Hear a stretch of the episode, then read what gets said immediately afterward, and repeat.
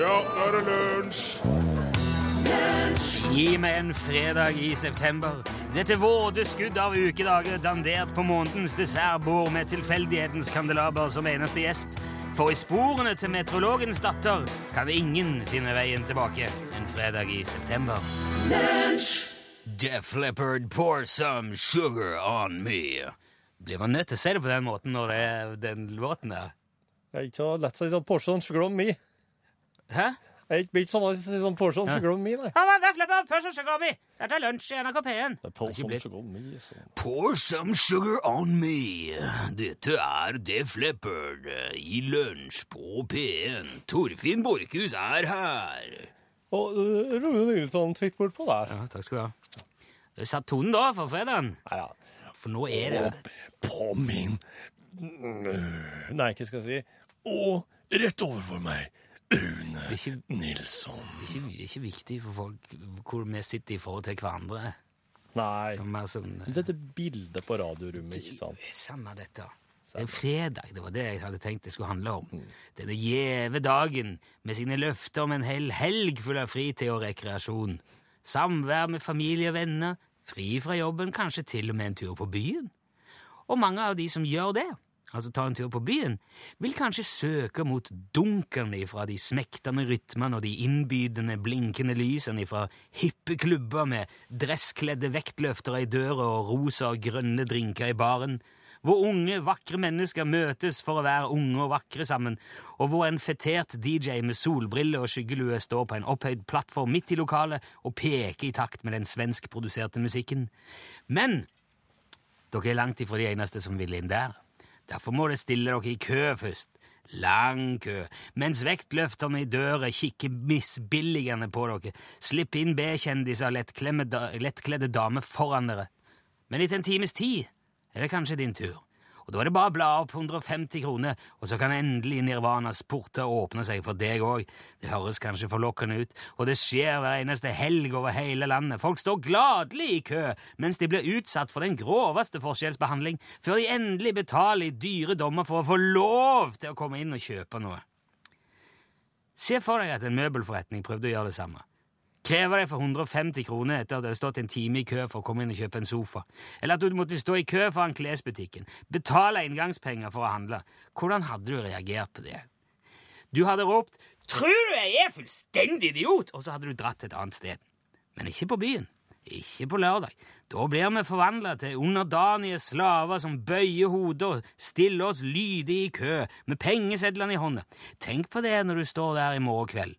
Ta gjerne et skritt til sida og se på den lange rekka med lettlurte idioter som står der og stanger mot hogningkrukka. Jeg skal vedde på at dersom du kikker litt bak deg, kanskje rundt deg, så er det ikke langt til et sted hvor det ikke er kø. Med gratis adgang, fornuftige priser, hyggelig betjening og langt mer jordnært klientell. Og hvis du er heldig, vindusplass med utsikt til lang, lang rekke med utspjåga idioter som heller vil stå ute og vente enn å hygge seg inne.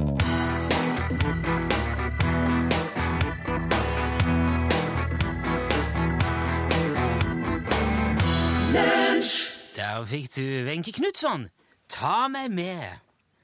Hvis du eh, er ute og går og finner noe på bakken, la oss si for eksempel et eh, nøkkelknippe. Jeg mista nøklene mine i går. Mister du nøklene dine? Ja, Husnøkkel og postkassenøkkel mista jeg. Tulling, hvordan fikk du det til? Nei, det, det er jo det. Altså, Hvordan klarer du å miste ting? Det er det at det skjer på litt sånn eh, Det skjer når du ikke helt venter det, og da kan det òg være litt vanskelig å eliminere seg fram til hva de er hen, hva, de, hva du har mista dem hen. Var det sånn ute Ja, ja, på tur ifra hjemme til jobb, ja. Ok. Og så, så lurer jeg på, hvis du finner et nøkkelknippe på bakken, hva Ja. gjør du med det da? Ja, hva gjør du med det da? Mm. Eh, det hadde vært mye lettere hvis du spurte hva jeg gjorde hvis jeg fant ei lue i skogen, for da henger jeg opp et tre. Ja. Eh, Ikke sant? Mm. Eller setter den på en stolpe eller noe sånt. Ja. Sånn at han, eh, når folk kommer prøver å gå, gå tilbake og finne den, så henger den der. Det synes jeg er fin, fin kutyme. Men da må, det være, da må det være i umiddelbar nærhet til den plassen der du fant den, ikke sant? Du må jo være den, Ja. Hvis du finner ei huve, så du kan ikke gå mange meterne med den og henge den opp. Nei, men, men jeg lurer på eh, om jeg rett og slett måtte gjort noe lignende. Altså, tenk at vedkommende som har mista dette, Ja. må vel ha en idé om hvor, eh, hvor han eller hun har gått. Ja. Så kanskje jeg hadde hengt opp en lapp, eller, eller, eller ikke Ja, kanskje hvis jeg hadde veska med seg Eller hengt det, da, en plass som var lett synlig, sånn at du så det. For det er litt av poeng Står det noe Det står ikke noe navn på noen nøklene dine, eller sånn? Nei, det er bare et langt, svart uh, tau på det. Ja. Et, et, et nøkkelknippe er jo egentlig helt verdifullt uten et hus. Ikke sant? Ja. Og uh, Helt verdiløst, mener du? Nei, ku? Ja, verdiløst. Ja, du sa ikke- verdifullt, så. Å ja, unnskyld. Ja. Jeg mente helt verdiløst hvis du ikke Ja. har huset som, følger, som det hører til. Ja. Eller tingene som de hører til. Ja. Og det vil igjen si at det egentlig ikke Det innebærer ikke noen risiko å bare henge det opp på en lyktestolpe eller en, eller en eh, gjerdestolpe eller et eller annet lett synlig Mm. i nærheten av der du fant det. Jeg tror, jeg tror nesten jeg måtte gjort uh, noe sånn. For det er jo den Hvor skulle jeg Jeg må det- jo det er- gå til politiet, da. Jeg, jeg hører at du har ikke egen Det er ikke så lett, dette her, og jeg lurer på Jeg kunne nemlig veldig godt tenkt meg å hørt hvis eh, den som hører på, har en veldig bra idé om hva en skal gjøre. Hva skal en gjøre hvis en finner en sånn ting som er akkurat så liten at den, den på en måte forsvinner litt i terrenget, men Ja. du skjønner at det her har verdi for noen. Så hva gjør du med den? Hva gjør en med en slik ting? Da, Du må eh, skrive liksom ti lapper og henge opp uh, i gata der. Nøkler funnet, ring. Ja, det er jo kjempe, kjempe Men det jo Ja, det krever jo at du har med deg litt sånne skrivesaker. Jeg har et veldig godt preventivt tips. Ja. Det fins nemlig noen sånne små tags, eller noen sånne små brikker, Ja. med en kode på. Og noe greier. Jaha. Som du kan du melder deg du registrerer deg en Ja. plass, og så får du tilsendt noen sånne. Ja. Så fester du på nøkkelknippet, og når folk finner de, så kan de bare hive dem i postkassen. Oh, ja. Og så blir de sendt til deg, og så distribuerer de de tilbake til deg. ja. Okay. Det som er dumt med det, er jo at uh, da er du lenge uten nøkler. Ja, hvis, ja, det Potensielt. Via posten, ja. Ja. Nei, men hvis du, har et, hvis du har et råtips når det gjelder slike ting, så send, eh, send en SMS. Kodebokstaven er L, og nummeret du sender til er 1987, og det koster ei krone. L, krøllalfa, nrk.no hvis du vil bruke e-post. Tusen takk. Men har du funnet igjen nøklene? Er du, er du Ja, de sto i døra hjemme. dem. Verden blir på mange måter bare mindre og mindre. Det hørte jeg noen si her forleden. Men det vil ikke min eh, filleonkel Engolf vært eh, enig i. Han var skipsreder og seilte med stikkords over hele verden. Og når han en sjelden gang var hjemme, så brukte han å si at verden blir bare større og eh, større. Engolf hadde to skip i trafikk, og det ene var MS Brodulje, som var registrert i Kristiansand og hadde havn der. Det andre var SS Kykliki. Det var en tomasta flanell som stort sett gikk med fjærkre i Adenbukta. Men innimellom måtte Engolf ha SS Kykliki hjem til klassifisering og spantlåring, og der var det alltid stor ståhei når seilskuta til Ingolf kom til byen. Og det starta alltid med at losen nekta Engolf å gå inn fjorden uten landvakt og trossesikring, noe han sjøl mente var for landkrabber og kontorrotter. Mm. Engolf foretrakk å gå inn bakpå knivseilet og med emissæren sin gamle knarr som ekvipasje. Men lensmannen og losen mente det var for farlig, så de la ut brumser i fjordtarmen for å stanse han. Men de rant Engolf bare over, for SS Kykliki hadde fire lag krysslaft i bauknekken, for de måtte takle kyllingpirater nesten uh, i Adenbukta, så den skuta var forsterka både foran og bak, og oppe og nede. Så uansett hva losen stilte opp med, rant Engolf rett igjennom og klappa til kai ved verftet med den største selvfølgelighet. Men siden skuta var registrert på Madagaskar, prøvde alltid lensmannen å nekte Engolf å utføre arbeid på han i Norge. Men da tok bare Engolf lensmannen i nakkekragen og holdt han under vann til han kom på et smutthull i loven. Og da oppgraderingene var gjort, og SS var skip-skip, satte Ingolf ut i verden igjen for å forsyne Adenbukta med hvitt kjøtt og egg. Men det var jo en lang reise fra Kristiansand, og siden den gangen Engolf banka opp bestyreren i Suezkanalen i et pokerlag hvor han tapte en hel last med guløyde sombrero-papegøyer, fikk han heller ikke reise den veien. Dermed bar det hele ruta rundt Afrika, og det var så langt at Engolf flere ganger måtte snu, for han rakk ikke fram i tide før skuta måtte vedlikeholdes igjen. En gang måtte han snu tre ganger på rad utenfor kysten av Namibia, og da ble Engolf så irritert at han bestemte seg for å gå rundt Kapp Horn neste gang. Men på den turen forsvant han og kom aldri tilbake. Men i 1973 var det en eskimo som fant en flaskepost i Beringhavet, og den inneholdt en siste hilsen signert Engolf, og der sto det kort og godt 'Verden har blitt for stor'. Og i disse internettider tror jeg vi alle sammen kan ha noe å lære av det.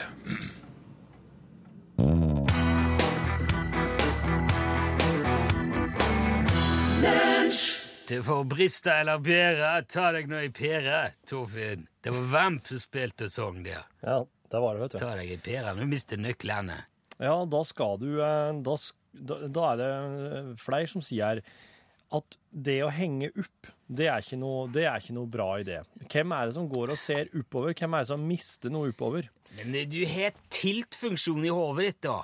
Ja, Ja, det går an å vri på det både opp og ned og i alle mulige slags retninger. ja men prøv å gå slik, se ned, se opp, se ned, se opp lenge. Prøv å gå sånn en stund. Du, det er forferdelig. Så jeg er helt enig til at det, er, det blir veldig vrient hvis du skal gå og leite leite oppover samtidig som du vet du har mista noe ned på bakken. Det er ikke snakk om å eh, klatre til topps i den høyeste furu Nei, nei. og henge det som ei julestjerne oppi der. Hele poenget er å gjøre det så synlig som overhodet mulig. Hmm. Ikke sant? Sånn at du nesten går deg rett på det. Ja. Ja. Og så er det òg noe med at hvis du på en måte får det litt opp fra bakken, så er det en følelse av at da er det kanskje litt mer safe, og da ser folk som kommer forbi, her er det noen som er tenkt.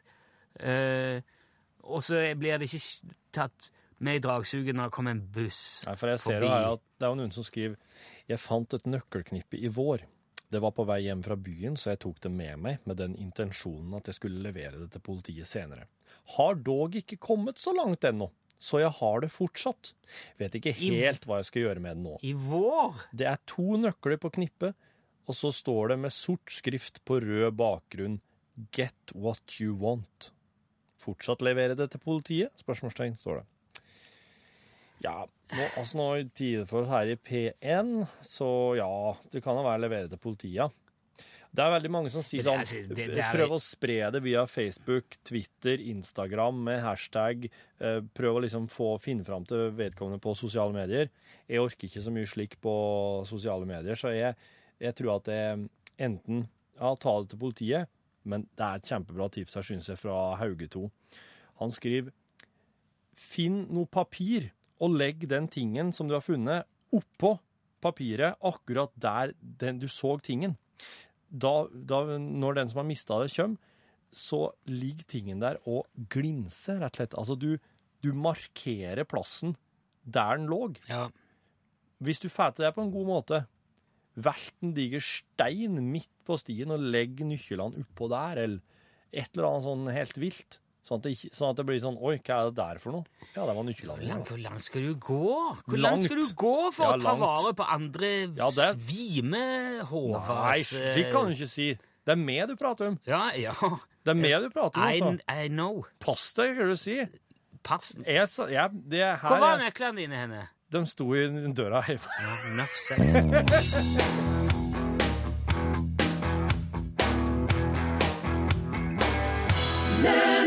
Du har hørt eh, Stolen Dance. Det var det skrevet og framført av Milky Chance.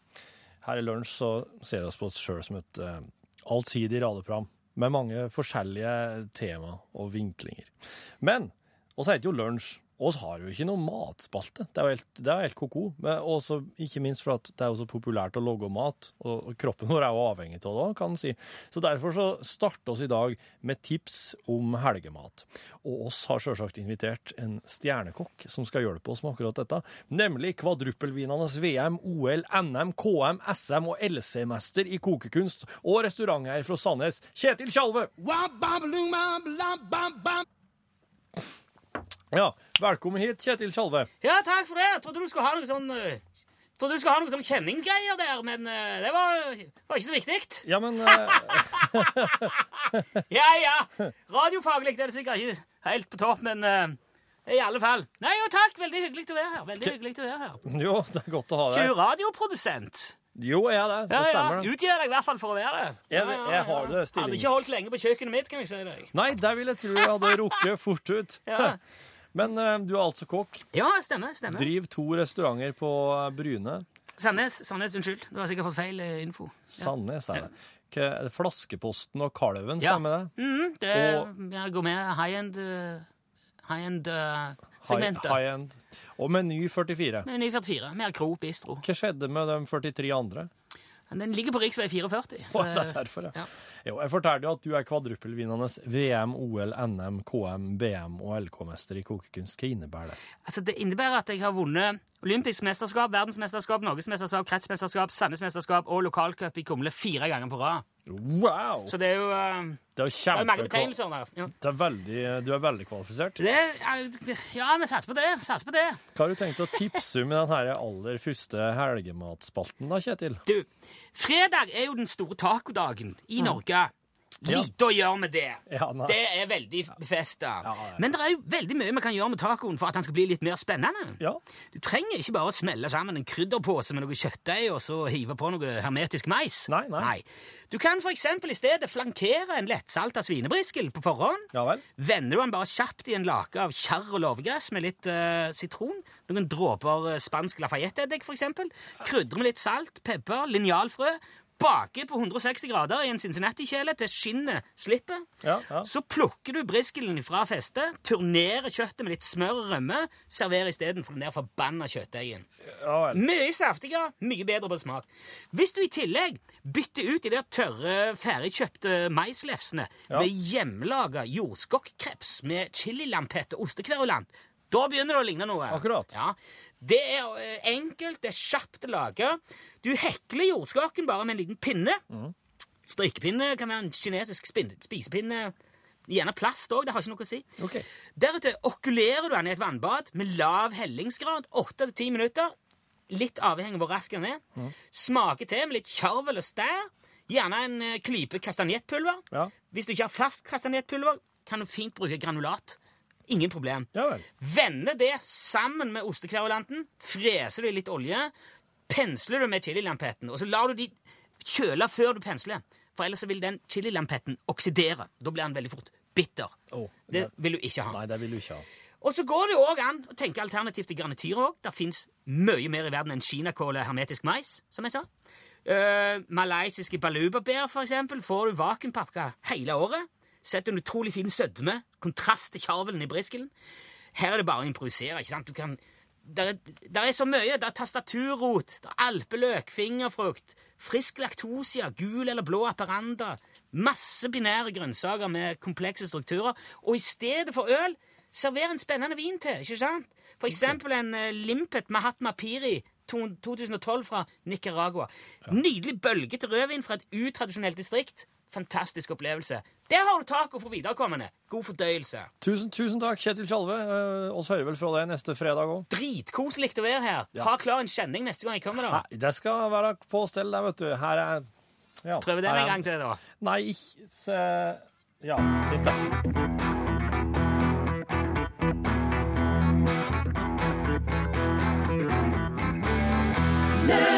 Little Richard sang uh, Tutti Fruity. Honolulu. Honolulu. Eh. Han synger ikke vet du. Honolulu. Tjurguli, homerdurju, synger han. Det er jo artig at vi skal begynne å prate om det her, for at eh, du har utfordra meg om en sang. Ja, jeg gjorde det i dag. Vi har vært så effektive denne uka at vi har hatt litt tid til overs. Og så, så sa jeg, men da kan vi jo finne på noe artig. Og så sier jeg, ok, sa jeg til Torfinn.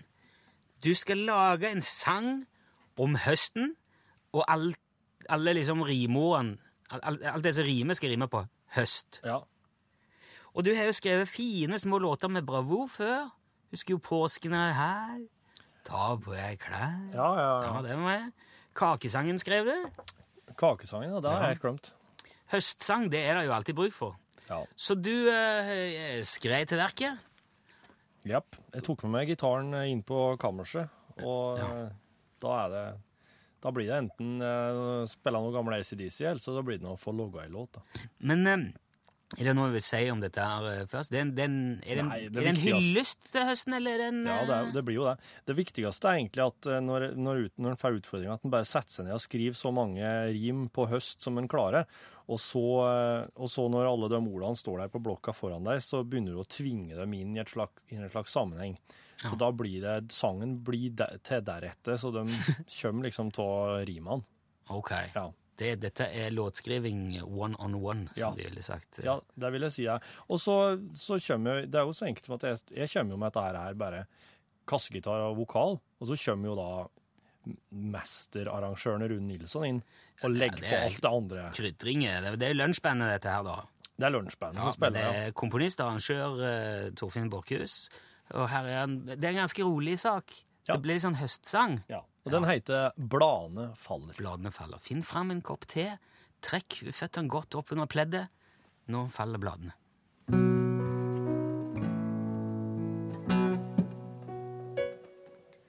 Bladene faller og lufta blir kaldere. Det er visst et must at det blir høst. Alle må kle på seg jakkene, buksene, dekke til sitt brøst. Nå er det høst.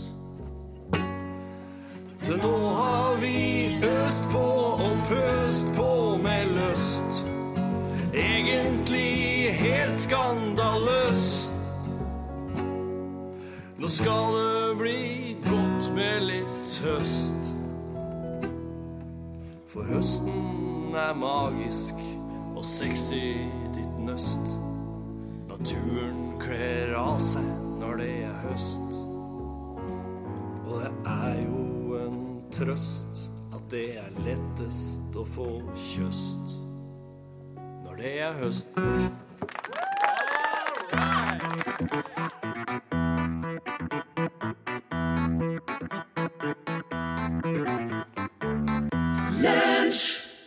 Emilie Nicolas var det du hørte der, og låten het Nobody Knows.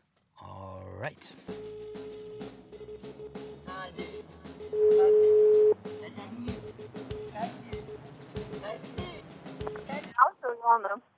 Hallo? Hallo. Ja. Hallo, er det Johanne? Ja. Skjønte du hva som skjedde nå, Johanne? Nei. Det Jo, jo, jo. Jeg skjønte det. Jeg skjønte det godt. Hva var det du skulle sagt nå, Johanne? Hva jeg skulle ha sagt? Når du tok telefonen? Utslagsløs transport og skarv. Vær så god. Ja, det var jo det. Var du midt var det. Var du, Har du travelt? Var du midt oppi noe helt annet, eller? Ja, vet du hva? Jeg vaska på kjøkkenet og ikke hadde radioen på.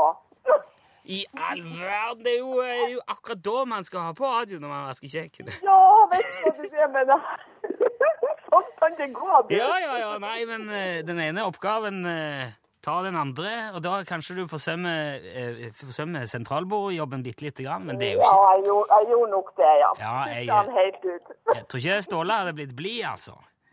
Ah, Nei, nei, jeg tror ikke heller det. Nei. Jeg får skjerpe meg nå. Ja, du får, eh, du får bare se på det som en eh, lærepenge eller et eller annet. Ja, så det var bare en prøve. Ja, det var, te det var testen. Og neste gang, da, da tar du den, Johan. Så, da tar jeg den. Ja. Du, tusen takk for eh, innsatsen og for at du meldte på. Det var noe hyggelig å ha deg med uansett, da. Mhm, Greit, det. Men, men lua, lua glapp, Johanne. Jeg beklager. Men du må ha god helg, i alle fall. I likeså, du. Ha det bra! Hei da. Hei.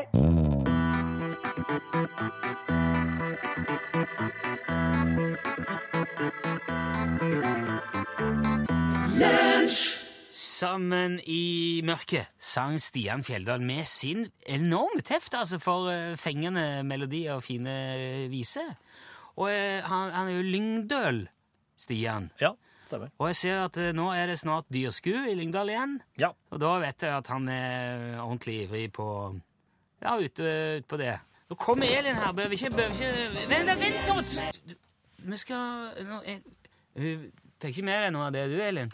Skal jo prøve å liste meg inn. Jeg vil ikke liste deg inn her. Er det Ja vel, går det, går det greit, Elin? Ja, det går fint. Trekk et kort.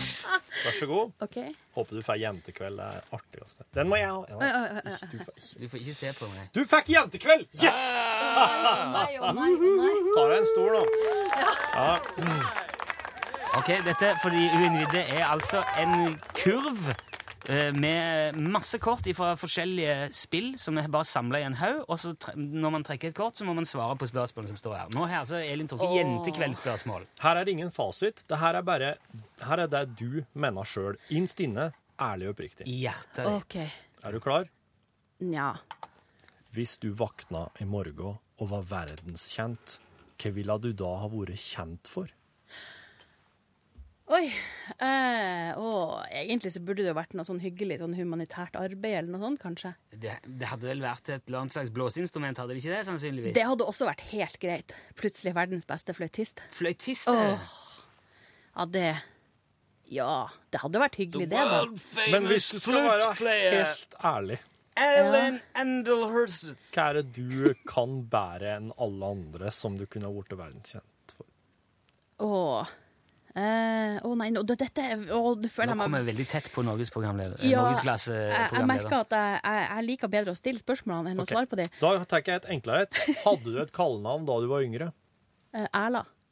Nettopp. Erla? Vi fikk et svar. Er Erla. Bli som ei erle? Jeg var ikke så god på å si e, tror jeg kanskje, da jeg var lita. Erla? Erla. Erla. Erla. Hva sa du istedenfor e? Æ. Æ? Ja, og nordlending. eh, Bodøværing. Jeg sier jo æ, æ, æ hele tida. Jo, jo, men uh... Jeg vet ikke om bakgrunnen, egentlig, Æla. men jeg tror det er sånn. Erla, ja. Okay. Det var meg. Takk for at du svora på spørsmålet i kategorien jentekveld, Erla. Du, det var hyggelig. Nå skal Erla si litt om hva som eh, Det skulle du aldri sagt, eller? Nå er det Betyr det at du sa Hvis noen spurte Ja, hva heter du? Så er det Erlend. Erl, jeg blir kalt både Erla og Erlin hjemme, ja. Ok. Mm. Jeg svarer på Erla. Det gjør jeg for så vidt. Erla. Erla, ja. Men da, Erla, hva skal skje i norgesglasset? Nei, altså, vi har jo satt og fundert på noe. Eh, for stadig vekk så kommer det kollegaer oss humpende inn på krøkka. De kommer her i gangene og har eh, de, er- de er rett og slett mer eller mindre forslått. Hva har skylda? Det er jo sikkert bedriftsidrett mye. Du har jo helt rett i det. Ja, det er det, Ja, ja. ja. Er det noe dere engasjerer dere i? Niks. Nei. Jo, curling, men der er det ikke skader. Er det ingen skader i curling? Jeg var veldig nært en gang når, to, første gangen der oppe når Torfinn gikk på Skladeisen, Da var det nære på. Der kunne gått et halebein der, men det var det gikk fint. Halebind nese hvis du får fremover, da? Nei, det, du, sklir, du sklir mest på ræva i curling. Å ja, OK. Det har jeg veldig lyst til å prøve. Er det artig? Ja, det er artig. OK. Nei, det er ikke artig. Ja, nei, altså, Vi lurer jo litt på det her med disse som eh, da satser eh, liv og lemmer for, eh, for bedriften sin, da. Og vi har tenkt at i Norgesklasse i dag så skal vi høre om hvor farlig det egentlig er å holde på med bedriftsidrett. Ja, Vi, får, vi skal få ordentlig svar på det, altså. ja OK. Ekspert. Mm, mm, mm. ja. men da skal vi få med oss det. Ja, han skal få det. Ja, der sa han et sant ord. All right, da ruller det. Supert. Jeg ruller og går. Her er kontoret Snurpien smeller i. Maser som et lokomotiv. ordrypa Mari Garas Monsson her. Stadig mindre urørt, som jeg bruker å si. Nei, sorry. Ei, ei, ei, ei. Alarm. Det, skal hardt ut der. Der ligger den. Bra. Det er nesten Der, ja. Det er ikke den første som drar den spøken. Nei, nei det var ikke. Trondheims taxisjåfører gjør det mye hvis man bestiller taxi herfra. Nei, kødder du med meg nå? Nei, hvis det står sånn eh, Vitser du med meg? Ja, så, Urørt? Jaså, er du rørt også, eller? Så er det sånn ultimate pick-up-linje, eh, eller ja. ikke? Men jeg har et spørsmål, forresten. Eh, fordi jeg lånte toalettet utafor her før vi kom inn. Ja. Der står det jo på døra ut så står det 'slokk lyset', still deg foran speilet, lukk øya, si 'Bloody Mary' tre ganger og åpne øya. Eh, og så var jeg på, i ferd med å gjøre det. Men så gjorde jeg det ikke, og så tenkte jeg hva Du vet hva som skjer da? Nei? Da ser du djevelen i speilet. Yes. Hæ? Ser du djevelen i speilet. Er det her noe du har funnet har, lagt inn her? Ja. Der sto 'slukk lyset'. Plutselig en dag ikke så lenge etter Torbjørn begynte å jobbe i P1, så sto det resten. Nå var jeg burde på lageret og låne seg en Dumo. Jeg. Jeg har tenkt å gjøre det på de andre doene, og det står så mye rare meldinger. vet du. Jeg har jo prøvd å tagga litt på såpedispenseren på NRK, som, som heter Multiplum. Så jeg skriver 'minste felles' over. Er det du som har skrevet Ja. minste felles? Men eh, det, de bruker å fjerne det, dessverre. Ja, det liker jeg godt. Jeg har tenkt å gjøre det på, på doen eh, borti livssynsreaksjon. Der, her- der står det Når du kommer inn i gangen, så står det 'slukk lyset' på bryteren rett inni her. Og så har jeg tenkt å finne Dumoen, skriver jeg. Deg litt nærmere, Marie. eh, Så har jeg tenkt å finne Dumoen, og så skriver jeg 'slukk lyset', gå inn i rommet, tiss, gå tilbake, skru på lyset, tell hvor mange dråper som kom utafor. Jeg tenkte skulle si sånn Slukk lyset, og så la det bli lys. Altså, Det er artig, siden det er livssynsreaksjon. Slukk lyset, la det bli lys. Bare la det. Men det hadde vært gøy om du kunne kommet og skrevet noe eh, på doen oppe ved oss i vår eh, redaksjon. Fordi det er veldig mange som ikke har noe med den avdelinga å gjøre, som kommer og bruker doene våre. Ja, det er som jeg kaller gjestebæsjeren, som jeg tror, mi- mistenker til, til, tilhører eh, Nattradioen, som er inne og leverer noe kraftig. OK. Ja. Vet du? Ja, OK. En uh, todelt historie nå. ja. Er det apropos? Ja, det er Ja vel. apropos, ser du. ja, vel. Jeg så nettopp en uh, Ronny og deg. Hei, Ronny. Hei, Ronny, hvis du hører meg. Jeg vil, det, og det gjør du garantert. Herleg. Du, dere hadde en sånn konkurranse nettopp i uh, Peter Morgen på Facebook. Hva for en ting på pulten til Ronny er det som ikke hører hjemme der? Så har jeg tatt bilde av uh, pulten til Ronny. Sto det masse ting der. Der lå ei sånn Kanal 24 eller Radio Norge-mikrofonhette. Tipper det var sikkert den. Men han hadde òg ei sånn eh, Husker du sånn eh, Sånne små dokker med sånn stor kjole som du setter opp på dorullen. Å ja! Sånn Farmor hadde det. Ja, Farmor, ja, min ja, hadde det. Det sto der. Og så tenkte jeg at eh, ja, nå har jeg en sjanse til å være artig her. Så sier jeg det er nødt til å være den dorullen. For det er Ronny sender jo all driten på lufta. Han trenger ikke papir.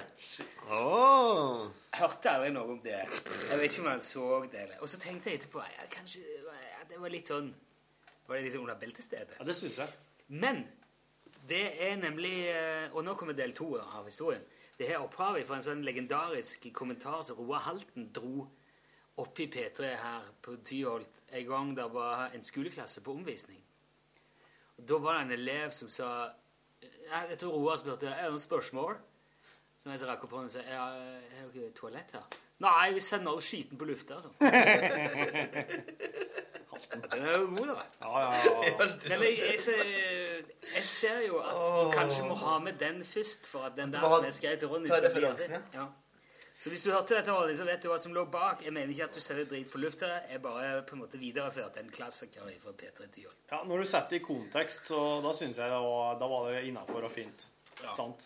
Eh, Roar Halten han jobber for øvrig ikke heller mer. Så, sånn. Nei, han han- er ikke så sunn nå. Han er jo en kultfigur. Ja. Eh, Han hadde jo transit i P3 i gamle dager. Det og han var jo Han er jo den første og eneste per dags dato som, eh, som har eh, introdusert eh, kjerringa si for meg og begynt å prate om analsex i samme setning. Oi! ja, og det er ikke overraskende. Han er helt, han er helt vill. Han har null, han har null sånne sperrer på den slags. Han er intim og Men veldig triv, trivelig og intim, vil jeg kalle den. Første gang jeg prøvde meg på jobb i, i NRK, det var som radiorekrutt i Ungdommens radioavis. Da du gikk på P2 Før P3-tida, ja. Ja. P3 ble jeg født. Og Da søkte de til radiorekrutter. Det var bare et år eller to før P3 kom på. Da ble jeg kalt inn til intervju i, på Marienlyst, så jeg dro inn da jeg var 19 eller 20. Ja, det må ha vært noe sånn. Hvor gammel var ikke Peter 20 nettopp? Petter 93, 93 var det første sendinga, tror jeg. 93. Ja, det var 20 år i Det er 20 år, ja. Ja. Mm.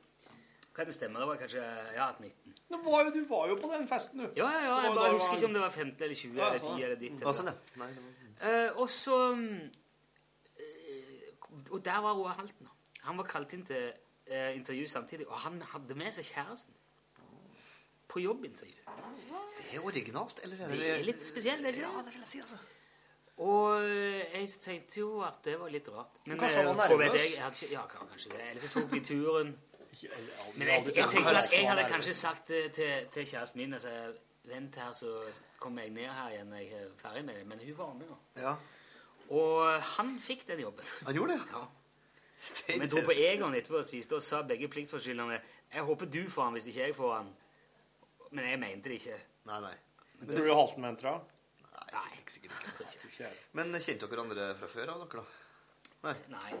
Men jeg husker jo først når jeg kom opp hit igjen nå, og hadde første liksom, sommerjobben her, da var jeg, jeg ble jeg introdusert for eh, Transit og den store radiokonkurransen, som nå var det første jeg var med på.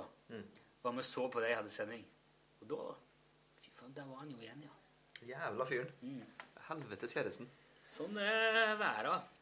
Nei, jeg vil tilbake til toalettet her. For at er det, det er et toalett på NRK der det spøker, sant? Er ikke noe med det? Har ikke vært, har ikke vært noe greier der nå? Jeg har ikke hørt noe om Jo, jeg tror det, Men- jeg tror det er det doet som er oppe på natteradioen, altså rett over der vi sitter akkurat nå. Å, jeg, tror ja. det, jeg tror der er, er det sånn at det spøker.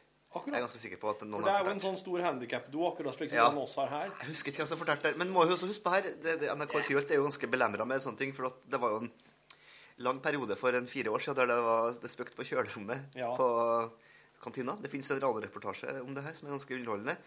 Der um, det spøker, da. Grete som laga det. Grete Strøm, ja, som lager den. Jeg, fant- jeg fant fram noen nylig, for den jeg er kan god. Du har sendt meg en. Jeg kan, jeg kan prøve å innhente tillatelse til Grete, så kan vi legge Ja. det i slutten av dagens eh, bonus. Ja, for det, det, det er veldig, den er veldig fascinerende på så mange måter. For det er også et, et ventilasjonsrom i kjelleren her, der de har, folk har fjerna ventilas. Så står det bare Jonsrommet. Og der nede spøker det også. Er det det som gjør Det må, at det det må, det, heter det er Jonsrom? ikke det. Ja. Det må sikkert være Ja, det. det er ventilasjonsrom. Så at, uh, og, et, et, et rom jeg har brukt som flytterom en periode. Jeg flytta mellom leiligheter. Det står jo, der står det en, en sykkel med sånn sekskanta hjul. Der du svinger til venstre, så går den til høyre. Mye sånne ting. Kosinussykkelen, ja. Ja, det er kosinus, ja. Ja. Og der, er det, og der spøkte det altså samtidig Sånn spøkt på, på kjølerommet. Um, og det var vel noe Man mente at det vært en gammel, gammel kirkegård. Vaktmesteren tror jeg mente at det var vært en gammel kirkegård her før. Nei, jeg er usikker. Det er ikke- det er from dusk til dawn, det her, men det er jo noe i nærheten. Det syns jo det Men det var ikke Sola Johnsen som påstod at det spøker på det, det dassen, da? Hvordan er det han merker det, da? Kanskje en litt veldig Ja, men sånn- nervøs mage. Men, eh, men vi, har jo, eh, vi hadde en episode jeg vet ikke om du var på jobb den dagen hvor noen som ikke egentlig skulle bruke doen vår, hadde brukt doen vår.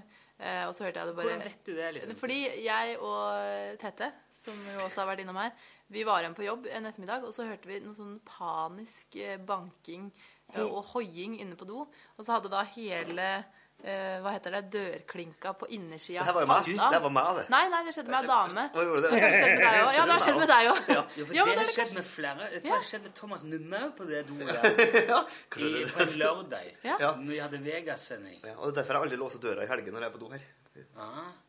Ja, nei, Hun som var der inne, fikk i hvert fall helt panikk, og vi prøvde jo så godt vi kunne å Men er det liksom sånn at de som ikke jobber i den avdelingen, ikke har lov til å gå på do? Nei, men jeg bare syns det er, de det det er spennende. påfallende ofte at de er inne på toaster Ja. og holder på, altså. Og så tenker jeg, da vet man eh, for det første hva slags ærend de er på. Fordi man liker kanskje ikke å gå Altså, på do. Det, det, er flaut å med, do. med syn og segn under armen og er stø kurs, vet du, Ja. at det skal leveres. Jeg tror folk syns det er flaut å gå på do rett ved siden av de de jobber med, i tilfelle de akkurat idet de går ut, møter på noen de jobber med, og så er det kanskje Ja, jeg Burde vært kjent en Jeg tror det er fordi at uh, snittalderen er veldig høy på noen avdelinger i huset. Ja. Og uh, gjennomstrømming er ganske hyppig. Det er liksom Det kan no-. Noen kanskje går mer på do enn andre, så det er ofte opptatt. Og da er det veldig greit å gå opp til den der ungdommen med panserblærene som knapt går for do vet du, i løpet av en dag, utenom kanskje Jørgen. Men eh, ellers er det kanskje ofte Det, men det, det, her blir jo som når jeg, det her blir jo som når jeg skratta så mye at jeg måtte ha drite på Festson Sven for et par helger siden. Da jeg måtte ha gå og drite. Og det er, det er ikke så store leiligheter. Bare no offense, Sven. Det er jo en byleilighet. Og det, det, altså, det var bra at festen brøt opp eh, et kvarter etterpå. Altså, brøt, festen brøt opp litt at du måtte gå, men også mye fordi at Torfinn hadde vært på do og hadde en, hadde en grande-toalett der som var, var vanskelig og Jeg Altså, satt, det nok- jeg satt og så på bildet på Instagram som er tagga med Hegstad-fjes. Og det er Jørgen Hegstad sitt fjes Gjorde ikke sånn. Ja, det, der er det ikke min, det er ikke jeg som har funnet på den Men er så Det er Jørgen på en eller annen fest har på seg en eh, grønn skinnjakke, sånn grå T-skjorte, trange jeans, og så har han, så har han en parykk med langt, murt hår. ja, det er Mari Monsen som, tatt, som har tatt det bildet. Den ja, var på en P3-fest. For et fantastisk bilde. Jeg skratta så jeg måtte drite. Ja. Og, og han, eh, Sven var glad for at han for seg sjøl hjemme at Tora ikke var Ja, der. for det var ille, altså. Det var Det var prekært. da. ille. Jeg hadde ikke kommet til å gått og drite hvis det ikke hadde vært for det bildet. Er det Da hadde jeg helt meg. Er det normalt å Ja, OK, nei. ja, nei, nei.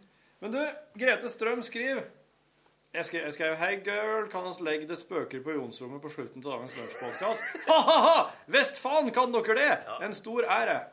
Ja, og Det er en veldig, veldig fornøyelig reportasje. Eh, Den er litt fornøyelig fordi at vi, jobber, vi som jobber i NRK, har en ekstra dimensjon med at det også kom inn noen fra P2 og spådd i tarotkort eh, like etterpå her for å, for å finne, for å Der finne er det! skylden. Se! Ja, legg det bildet på podkasten. Altså, hvis, er ille, hvis, altså. hvis du som hører på nå, har Instagram, bare gå inn og søk på Hegstadfjes. Der, nå ligger det faktisk 60 Ja, det, poster. ingen av dem her er lagt ut sjøl. Det her er Mathias Nylenda i Verdens Rikeste som har funnet på den hashtagen. Ja. Og Men det er er faktisk så mye gull at uh, jeg, jeg har brukt Jørgen Hegstad som underholdning mange ganger, faktisk. Slåsskamp med noe mat. Ja, det, er- det, er gå, er gå inn og se. altså. Jeg, jo, jeg fortalte hva jeg gjorde på fest i Oslo, Jørgen. Fordi Jørgen er jo veldig underholdende på denne Hegstadfjes-hashtagen på Instagram. Men han har også Driver med i helgen.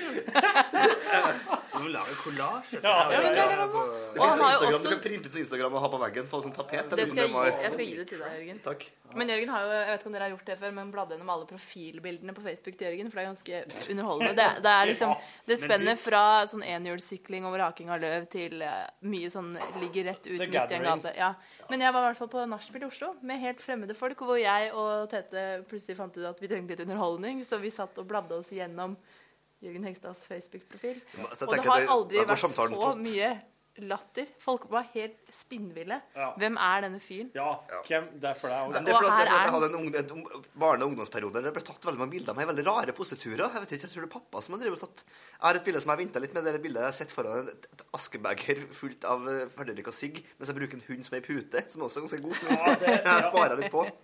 Den der jeg sitter i trusa og synger en Aquafresh-tube. Det er mye sånne ting da, som bare lurte på hvorfor har pappa tatt det bildet her. Det er veldig mye spesielt der. Men eh, jeg Altså må Karate Kid. Jeg tror kanskje det beste av alt er den bordtennis-giffen. ja, ja. Det jeg var er magisk. Ja, det, var, det var jo backstage på stereo da en fyr i et eh, norsk band laga en liten kollasj som jeg laga på internett. Det var veldig søtt, da. Det var. Den er kjempefin. Fin musikk, og det viser liksom hvordan føttene dine og, og Jeg lurer på om du er den jeg kjenner i hele verden som gjør deg best på internett.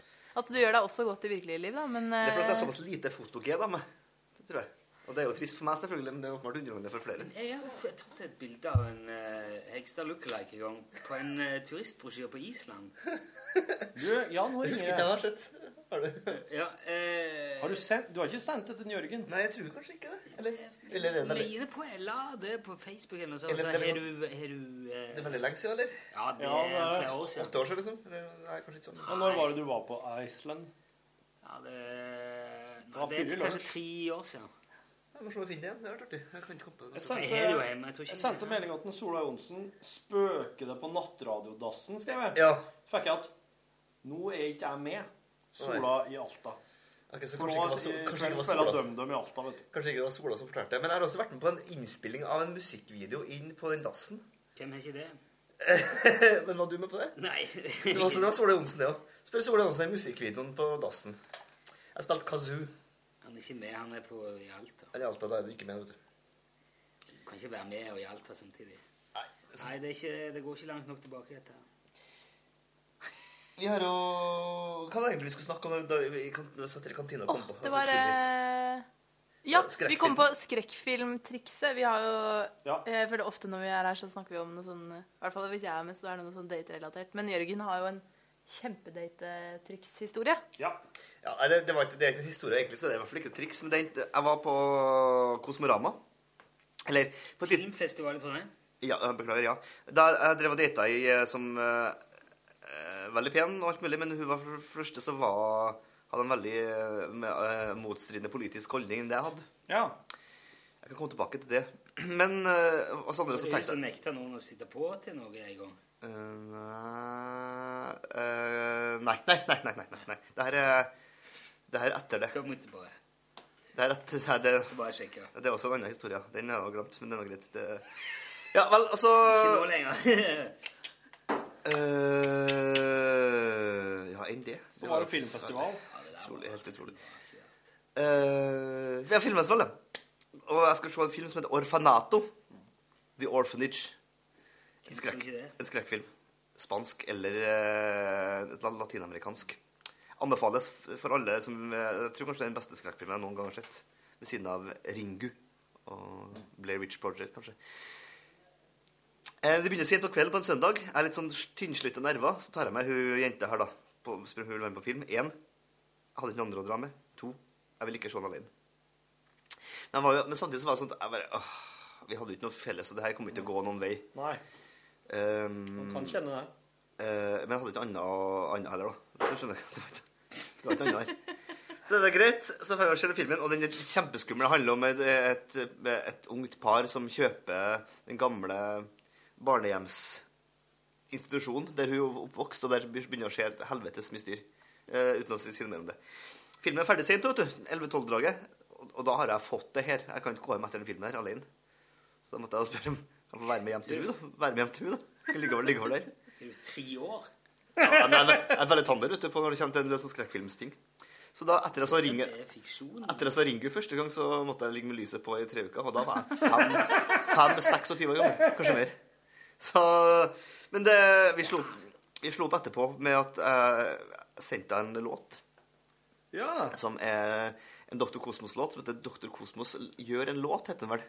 Som handler om at du er så jævla Mina drømmer skei, men jeg kan aldri, aldri, aldri bli la med deg, for du er moderat. Ja. Eh, ja, for hun var høyrepolitiker. Jeg er ganske langt unna det. Så det var det. Hun syntes det var greit nok, visstnok. ja. Jeg syntes det var ganske morsomt. selvfølgelig. Så hun sendte ikke det i låt i retur? Jo, det tror jeg faktisk kanskje gjorde, men det, jeg mener jeg gjorde det. Money med Pink Floyd. ja, ja, sånn. Fortell, fortell historien om eh, den andre som du kom på i stad. Nei, det, er- det er mer det, Nei, det, det er ikke noe Det er, er ikke morsomt. Det er litt, litt trist. OK. okay. Ja. Hvorfor har dere kondomer hengende på tavla? Det er sånn som lytterne sender oss for at vi ikke skal reprodusere. For, for sent. Men uh, ja. Så den som fikk av Berit i resepsjonen etter, etter countrykonserten i garasjen. Bam, bam, Det er liksom kontoret med det rare Ja. Med det i dette rare. her. Ja, det står en skarv her. Noe gamle Star Wars-effekter der. Det henger en del, henger en del vegg... det- det- det- Teppe på veggene. Det er baderomsmatter fra Ikea. Det, Ja, det er lydisolering. Ja. Ja, er på å å få litt mindre klang. Det hjelper faktisk en del, men det er fortsatt mye. Litt sånn. Vi skal være glad at vi har det. Vi skal jo kanskje på en eh, gårdsfest i helga. Det kan hende. Jeg gleder meg veldig til det. Noen har da en kompis av deg, er det ikke det, Jørgen? Han har liksom, de har bygd om en låve og lagd festlokale. Og brygga 80-100 liter øl, invitert noen folk. Har noe egenskutt eh, kjøtt i fryseren. Altså, det her høres jo topp ut. Det her, er, det her er jo mannen jeg kjenner som er mest god på naturalhusholdning i 2014. Han uh, flytta på gård. Skal da lage eget kraftverk. Vannkraftverk av et lite fossefall. Grønt sertifikat, da. Og da i tillegg driver med brygge lokalt øl på humle fra gården. Wow. Og driver og ja, har eget pølsemakeri. Ja, mye fritid. da. Det, det begynner litt på at han har utrolig mye fritid, han òg. Så, han- så han driver med det. Så skal han ha fest med bueskyting og ATV-kjøring.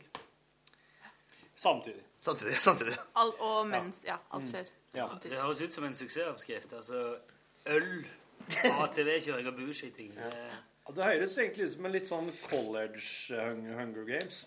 Oi sann! Oh, ja. College, College Hunger Games. Hva, hva Trøn, Trønder Det er kanskje en film som jeg bør bare pitche inn med en gang. Altså, her er det jo bare for... Er det en ny reality-serie? Åh. Uh. Altså, ble det på Farmen og Jakten på kjærligheten? Jakten på Farmen, da, kanskje? Så det var, Ja, på farmen, ja! Amors pil. Amors Rett i hjertet. Fang farmen. 1-0. Ja. Catch the Ja, jeg er med. Jeg er med. ja, det her jeg i hvert fall kan, oss kan i hvert fall være sånn programledere og på sidelinja. Eller har du lyst til å være med og jakte? Eh, ja. Det som kommer til å skje, det som, Hvis vi drar opp her, så er det første som Marius skal gjøre, er å følge og skru på Tinderen og se hvem på den festen her som er på Tinder. For at, Å, det har jeg ikke tenkt på engang! Eller jeg kan jo se på Ja, eller de som er rundt der, da. Så man kan invitere noen som se, er i radius for det, er av jo, gården. det, er jo, det, er jo ingen, det bor jo ikke noe folk oppe her. I Flora i Nord-Trøndelag der bor det altså 30-40 kall. Og da mener jeg kall. Men du, eh, den Tinderen, den funker slik at eh, den, den bryr seg ikke om eh, heimeadresse eller bostedsadresse. Den bryr seg om hva de befinner seg med smarttelefonen sin. sant? Ja, ja. Altså Hvis man reiser til et annet land, så Ja. er det der. Den følger bare den her. ja, ja, ja. Den kassa her. Det Jepp. Gibbs. Takk lov. Bs. Hva skal du i helga, Rune? Hvor lenge kan man stå parkert med ramp på? Det er ikke noe grense for det. Men hva for noe? Nei, jeg har bare lessa bilen med to bord og fem, ti stoler. Ja, det skal du i helga, hører jeg. For uh, guttungen skal hjemme alene-fest i morgen. Han er 11. Hjemme alene-fest? Mm. Wow. Hva gjør man? Så ser man Bud Spencer-film på VHS. eh, Hvis, vet du hva, hvis jeg hadde gitt de eh, VHS-kassett, så hadde de bare Da hadde de sittet der med han og prøvd å Jeg hadde ikke skjønt det. prøv Logge den på. Prøvde å sniffe blir det, Mine- det blir Minecraft, da, og Nei, da er jenter jente med. Så det er jo det vet du, De er elleve år igjen. helt annet nå. hva, hva, gjør- hva, gjør- hva, kan, hva driver man gjennom elleve er 11 nå? Eh, Nei, sitter jo og roper til hverandre og spiser pizza. og- Ja. Det er jo sånn, da. Men så blir det vel Ropa til hverandre et pizza. Det var en bra beskrivelse. Det er som en hver kveld hjem til Torfinn. det. Ja, det er Nei, jeg er ikke helt sikker Altså, jeg vet ikke hvorfor eh, Kona sin idé det slår meg som potensielt veldig dårlig idé. Vi får se. Hva dere skal gjøre mens? Gå ut av huset. Ja. Og nå har jeg fått satt vekk minstejenta til Bjørn Tore, så nå Så nå kan jo vi bare gå en plass og spise noe sushi eller et eller annet Ja. imens. Gjøre noe hyggelig. Ja. Og så dra hjem og rydde. Ja. Det ser jo for meg kan bli Prøv å huske hva vi gjorde når vi var 11. Vi pleide ofte å være på sånn overnattingsfest hos ei som hadde campingvogn i gårdsplassen. Eh, kongeopplegg. Altså. da- Det hadde vi òg. Ja, så sov vi i campingvogna, så var vi liksom oppe veldig lenge og så på noe film, og så fant vi ofte noe sånn skolebrød i fryseren eller noe, for mora hennes bakte så mye. Og så var det et eget steinrom i kjelleren. For du? Steinrom. Faren samla på sånne veldig fine steiner. Det her er Kongsberg. Å ja, det, ja, det er Kongsberg. her er Kongsberg, ja. Her samler Du, du stein. om han der, Har han blitt tatt for det i ettertid? Eh, ja, Sølvtjuven, ja. Ja? Var det rettssak? Var det og- Hæ? Var det han? Ja, det var han. Det var han! Det var ikke, det var ikke en Nei, nei, det var ikke faren. Nei, nei, nei. Nei, nei det vet jeg ikke. Det, det tror jeg ikke, for han her var fra Drammen. For det var en fyr som drev Altså, han holdt på i 30 år. Ja, Og ja, Og ned i gruven der om nettene og tok med seg det mest spektakulære det. Verdier for flere millioner. Men er det ulovlig? Altså, Ja, det er jo verna freda. fredag. og, det, og det er kun derfor, ja. ja. Fredag det er jo en eufemisme for staten tar det staten skal ha. aktig. Nei, det er en eufemisme for at det skal ligge her. Ja, ja, Ikke drive og det, plukke og holde for det er ikke utvinning av gruva nå. Nei. Nei, men jo, det er faktisk noen som driver på hobbybasis, som eier gårdsgrunn eller et eller annet der hvor det er noen gruveinnganger. Ja. Men det som er litt spennende laksemann. med den historien Ja, her hvis ditt, Kort recap. Det er altså sølvgruve på Kongsberg hvor en fyr har klatra ned i mange, mange, mange år, Mm. tatt ut ting. Eh, og ble til slutt tatt for det. Men når jeg, jeg har jobba i de gruvene som guide, og jeg var der en gang det begynte å brenne langt inn i fjellet, sånn to kilometer inn. Og eh, det vi tror nå i ettertid Fordi vi skjønte jo ikke hvordan det kom inn og brenne langt, langt inn i fjellet hvor ingen er. Så man tror at det var fjell. som hadde eh, klatra ned, kanskje prøvd å eh, fyre opp i en gammel ildsted eller noe sånt, og så at det starta en sånn røykutvikling. da. Så jeg tror det er han, så det må være han sølvtyven som gjorde at jeg måtte evakuere ut 100 turister. Og eh, ja, det var den mest actionfylte dagen Ja, i vet mitt du, hva, det, dette her er jo breaking news Ja. på så ekstremt mange nivåer. At vi sitter her på et uh, kontor uh, med en helt tilfeldig plass i landet med to gruveguider. Oi, har du vært hverandre. Ja, går det i Folldalsgruva? Ja, det har du selvfølgelig. Hæ? Er det Det er jo sant? helt eh, crazy. Fy fader. Ja. Utveksle erfaringer. Kjørte dere tog inn, eller gikk dere? Du, vi kjørte, jeg gjorde begge deler, fordi egentlig så kjører man tog 2,3 km inn. Ja. Men så hadde jeg også noen sånne kveldsguidinger hvor vi gikk hele veien inn. Ja, det er for dem litt spesielt. Ja, Det var bl.a. Jernbaneverket som ofte kom og skulle bli guida. Eh, og da var det en fyr som eh, Vi hadde sånn, vi delte ut lommelykter og gummistøvler og sånn. Kom en fyr med en én meter lang lommelykt og sa 'Har min egen lommelykt?' Ja, ja. Eh, Ja, og, den han, type fyr der liker jeg godt. Han og tror du ikke at jeg som da 20 Hvor gammel var jeg første sommeren jeg jobba der? 2021. Han skulle ta meg vet du, på ting. Men jeg visste mine faktas. Oh, yes, så sto han, med den, sto han der med den lange lommelykta si. Og så sa han sånn Du, jenta mi, her i gruvene har det aldri vært hannhaspler på toppen. Det sier jeg bare. Så sa jeg jo, det har jeg. Og hvis du vil bli med meg inn på bakrommet, her, så skal jeg bla opp dokumentasjonen som viser at det var det. Så sto han med den lange lommelykta si og bare OK. Så kom han liksom med flere sånne drypp eh, utover guidinga. Helt til slutt, eh, altså resten av Jernbaneverket sa fra til han. Sa sånn Nå kan du enten holde kjeft Ulrik. skru av. Ulrik. Sånn tydelig som pedantnavn. Men eh, det er kanskje det mest joviale Det er den mest joviale jobben jeg har hatt noen gang. Jeg har aldri vært noen feltspett i veggene her. Hva var det du sa at det ikke hadde vært på toppen? Handhaspler. Altså en eh, Vet du hva det er? Det er en, eh, en type installasjon Altså på starten når man lagde gruver, Ja. Så begynte man gjerne på toppen av et fjell og gravde seg nedover. Ja. Så måtte man få ut steinen og sånn som Ja. man hadde brutt løs. Ja. Så en slags liten eh, Hva skal man kalle det? En liten sånn Sveiv. En sveiv, en heis. Vinsj. Ja. Vinsj som det sveiv på toppen. Ja. En haspel? ja, en hand. Handhaspel. Man får veldig bredt mål når man gjør og guider eh, sånn, sånne ting. Men eh, Så han påstod at det aldri har vært håndsveiving oppå toppen på Ja. Ja, det hadde ment han. På og så sa han også Jenta mi, nå må du lese pensumlitteraturen bedre. Bare det å si det. Bare Hello. Det er noen slike folk vet du, som er forever alone. Ja, men jeg skulle si, hvorfor sa du sånn? Er du ungkar, eller? er det Det, det tror jeg han eh, Det tror jeg han var. Ja, det tror jeg han var. Eller det tror jeg kan konstatere at han. Hvis du eh, hører dette, Ulrik, så er det selvfølgelig ikke noe personlig som ligger bak. Men Nei. eh, se på det som konstruktiv Ja, kritikk. Ja, Ulrik, da roer ned litt på både det ene og det her. Men da er jeg veldig nysgjerrig på liksom, eh, forskjellen på gruven i Kongsberg og i Folldalen. Og jeg Det Jeg vet er jo ikke først og hvordan- fremst sølvgruver, er det ikke? Jo. Ja, det, det, er jo, det er jo jernmalm. Ja. Svovelkis. Det er liksom det mørkebroene som oss tok ut. Ja. Hva er, De svovel, hva er svovelkis? Det er, det er jo steiner med, som er rik på svovel og sink og jern og Er, men er de, er de, ser, de ut som, de ut som metall, på en måte, eller ser de, hvordan ser det ut? Det er som stein. myr- Grå, gråstein? Mørkebrune klumper. Det, du, det, ja, du, du kan på en måte se at det er mye jern til dem. Og hvis det er mye svovel, så er det òg det her oransje Ja. eh, som og, eh, Kanskje kan eh, det kan se ut som det er noen som har kakka et egg oh ja, på, eh, på steinene. Det ser ut som eggeplomma. Men hvor dype Hvor langt inn i fjellet var de for å finne det? Du er ca. en kilometer inn, og så Nei 750 meter djup. Ja. Og så er det vel Nå er jeg litt usikker på hvor langt de går inn, faktisk. Ja. Det er ting som har begynt å gå i glemmeboka her. Ja. Ja, den djupeste gruva på Kongsberg er over 1000 meter djup.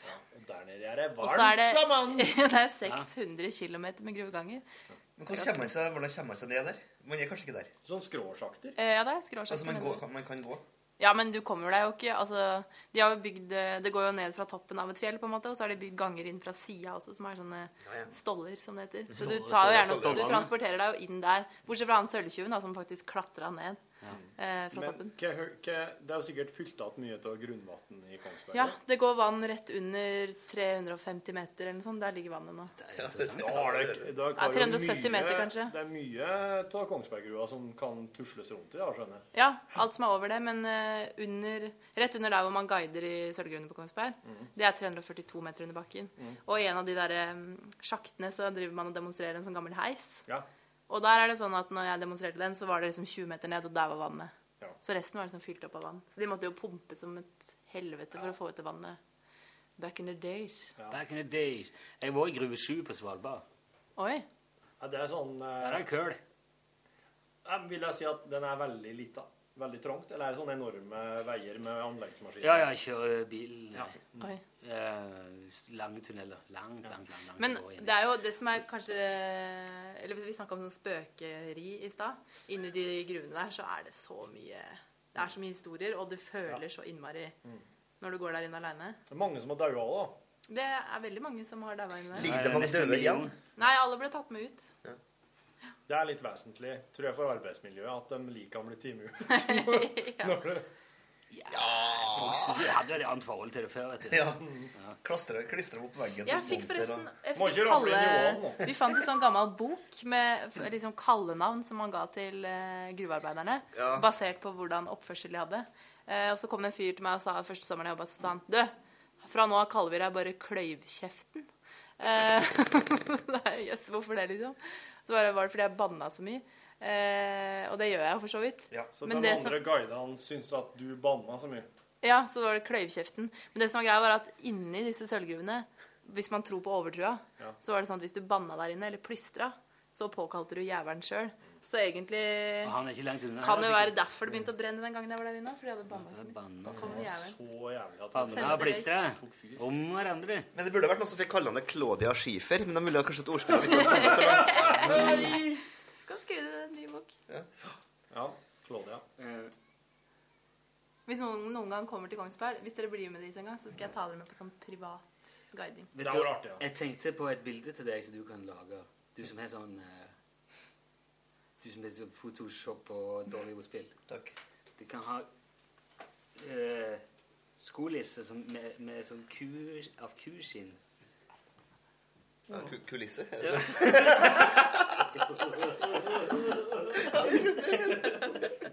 Det var plutselig Jeg vet ikke hvor det kom fra. Ja, kulisse.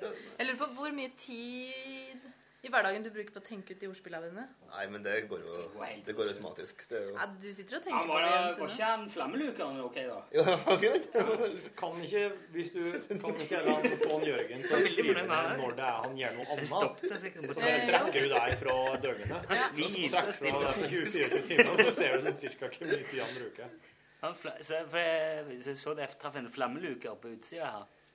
Han sto liksom og, og svei ugras med sånn gassflaske og flamme. Det var en spesiell jobb å ha. Men var det for, for, for Han luka jo med flamme. Jeg oh, flammeluker. Flammeluker. Ja, få det her ut. Ja, det Hun synes ler jeg. også lite. Det er Mari. Mari skjønner ikke. Jeg bare- jeg skjønner. Ja, jeg skjønner det. Jeg Og skjønner det det. var med, eller? Fordi han luka. Hæ?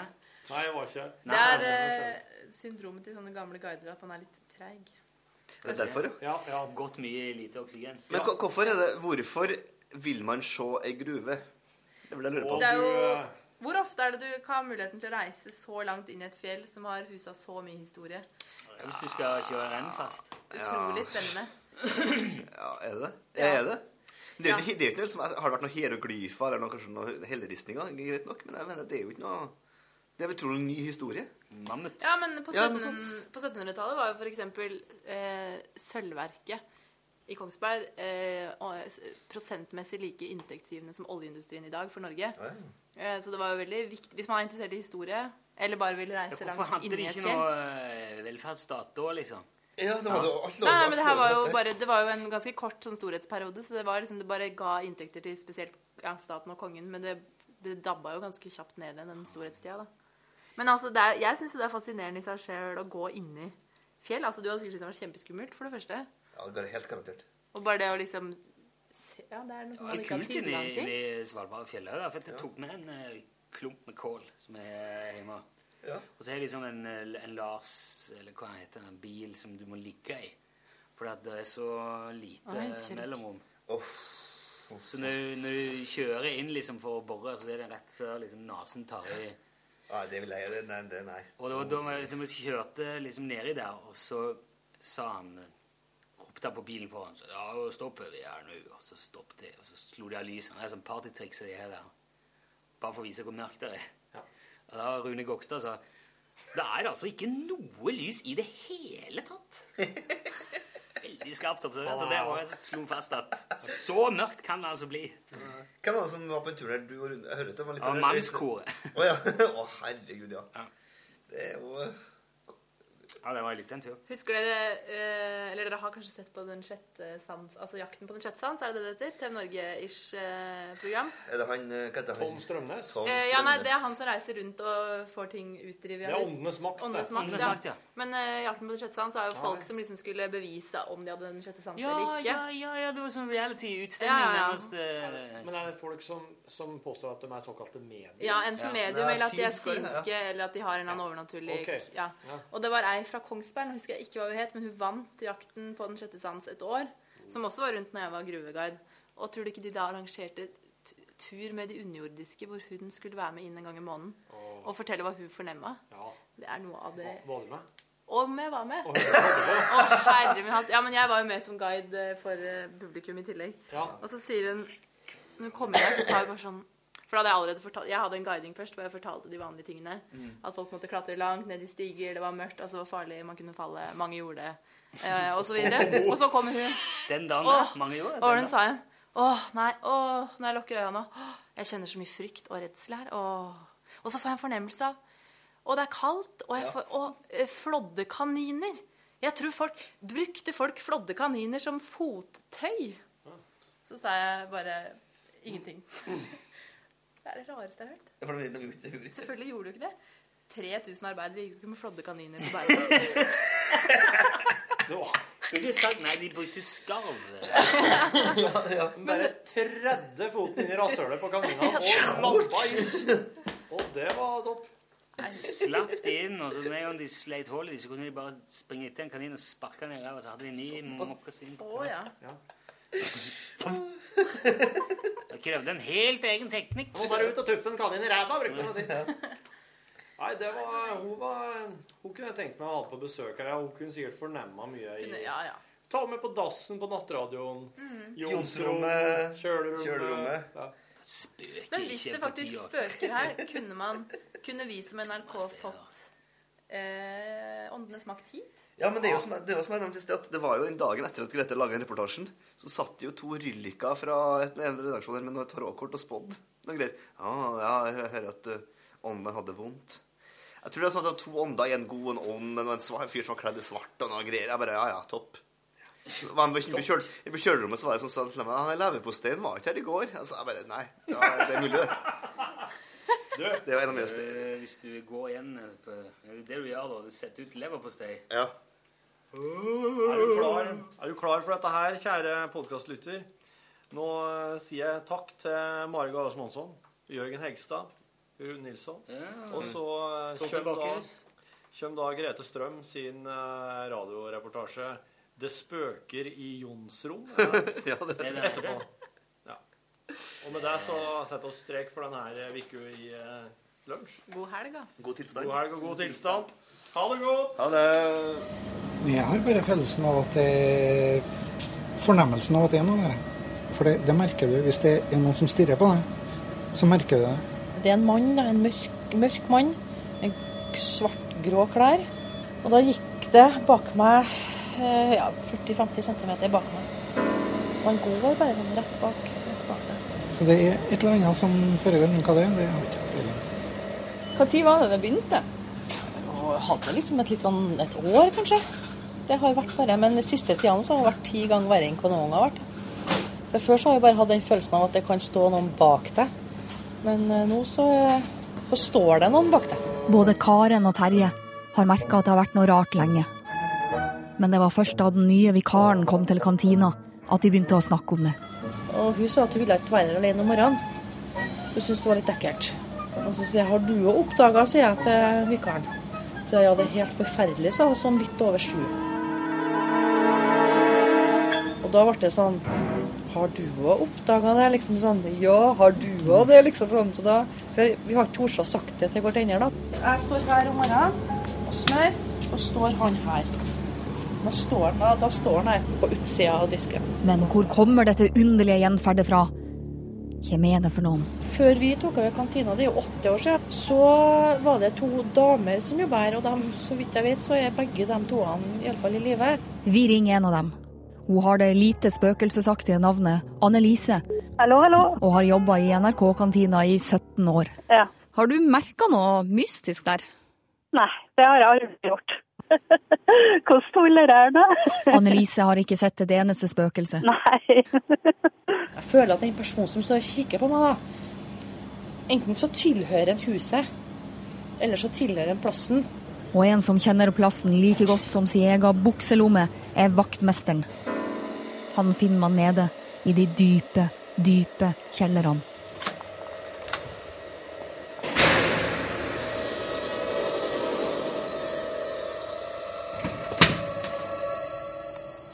Har du sett noe mistenkelig, noe overnaturlig her noen gang? Ja, det, ja, det er noe som har forholdt luska nedi inne i jonsrommet her. Inni det rommet her? Ja. Men eh, det er bare skygge, da. Altså. Men eh, Det har hendt seg flere ganger, særlig hvis en slår av lyset. og så er det, føles det som at det er noen som er her. da. Syns du det er ekkelt å gå rundt alene her? Ja, det, jeg syns det er så små, småekkelt, ja. Men eh, vet du hva som var her før det ble et NRK-bygg her? E- Egentlig så var det jo mest bare jorda her, da. Og gårdsbruk. Gårdsbruk. Eller Eller en kirkegård? Og det her er faktisk helt sant. Grunnen til at vaktmesteren flira nervøst akkurat idet jeg sa ordet kirkegård, Eller en kirkegård? er at lyset i taket plutselig skrudde seg på. Hvorfor slo den seg plutselig på? Nei, jeg ser det. Det er et eller annet som foregår her. eller? Nå må vi gå ut. Tør vi å stå her lenger? Nei, vi går ut. Kom. Plutselig kan jeg stå her helt i min egen verden og smøre disken og vente på ungen skal bli ferdig, eller noe sånt, og så Nå er han her igjen. Får det gåsehud, og så vet jeg at han står der. Men da tør ikke å snu meg. Har du prøvd å si noe? Nei. Men da skal jeg gjøre det. Spøkelse, hva er det du vil? Hvem er du? Kan det være deg, Kåre Fostervoll, den første kringkastingssjefen, som har noe uoppgjort med oss ansatte? La oss være i fred nå, Kåre. La oss være i fred.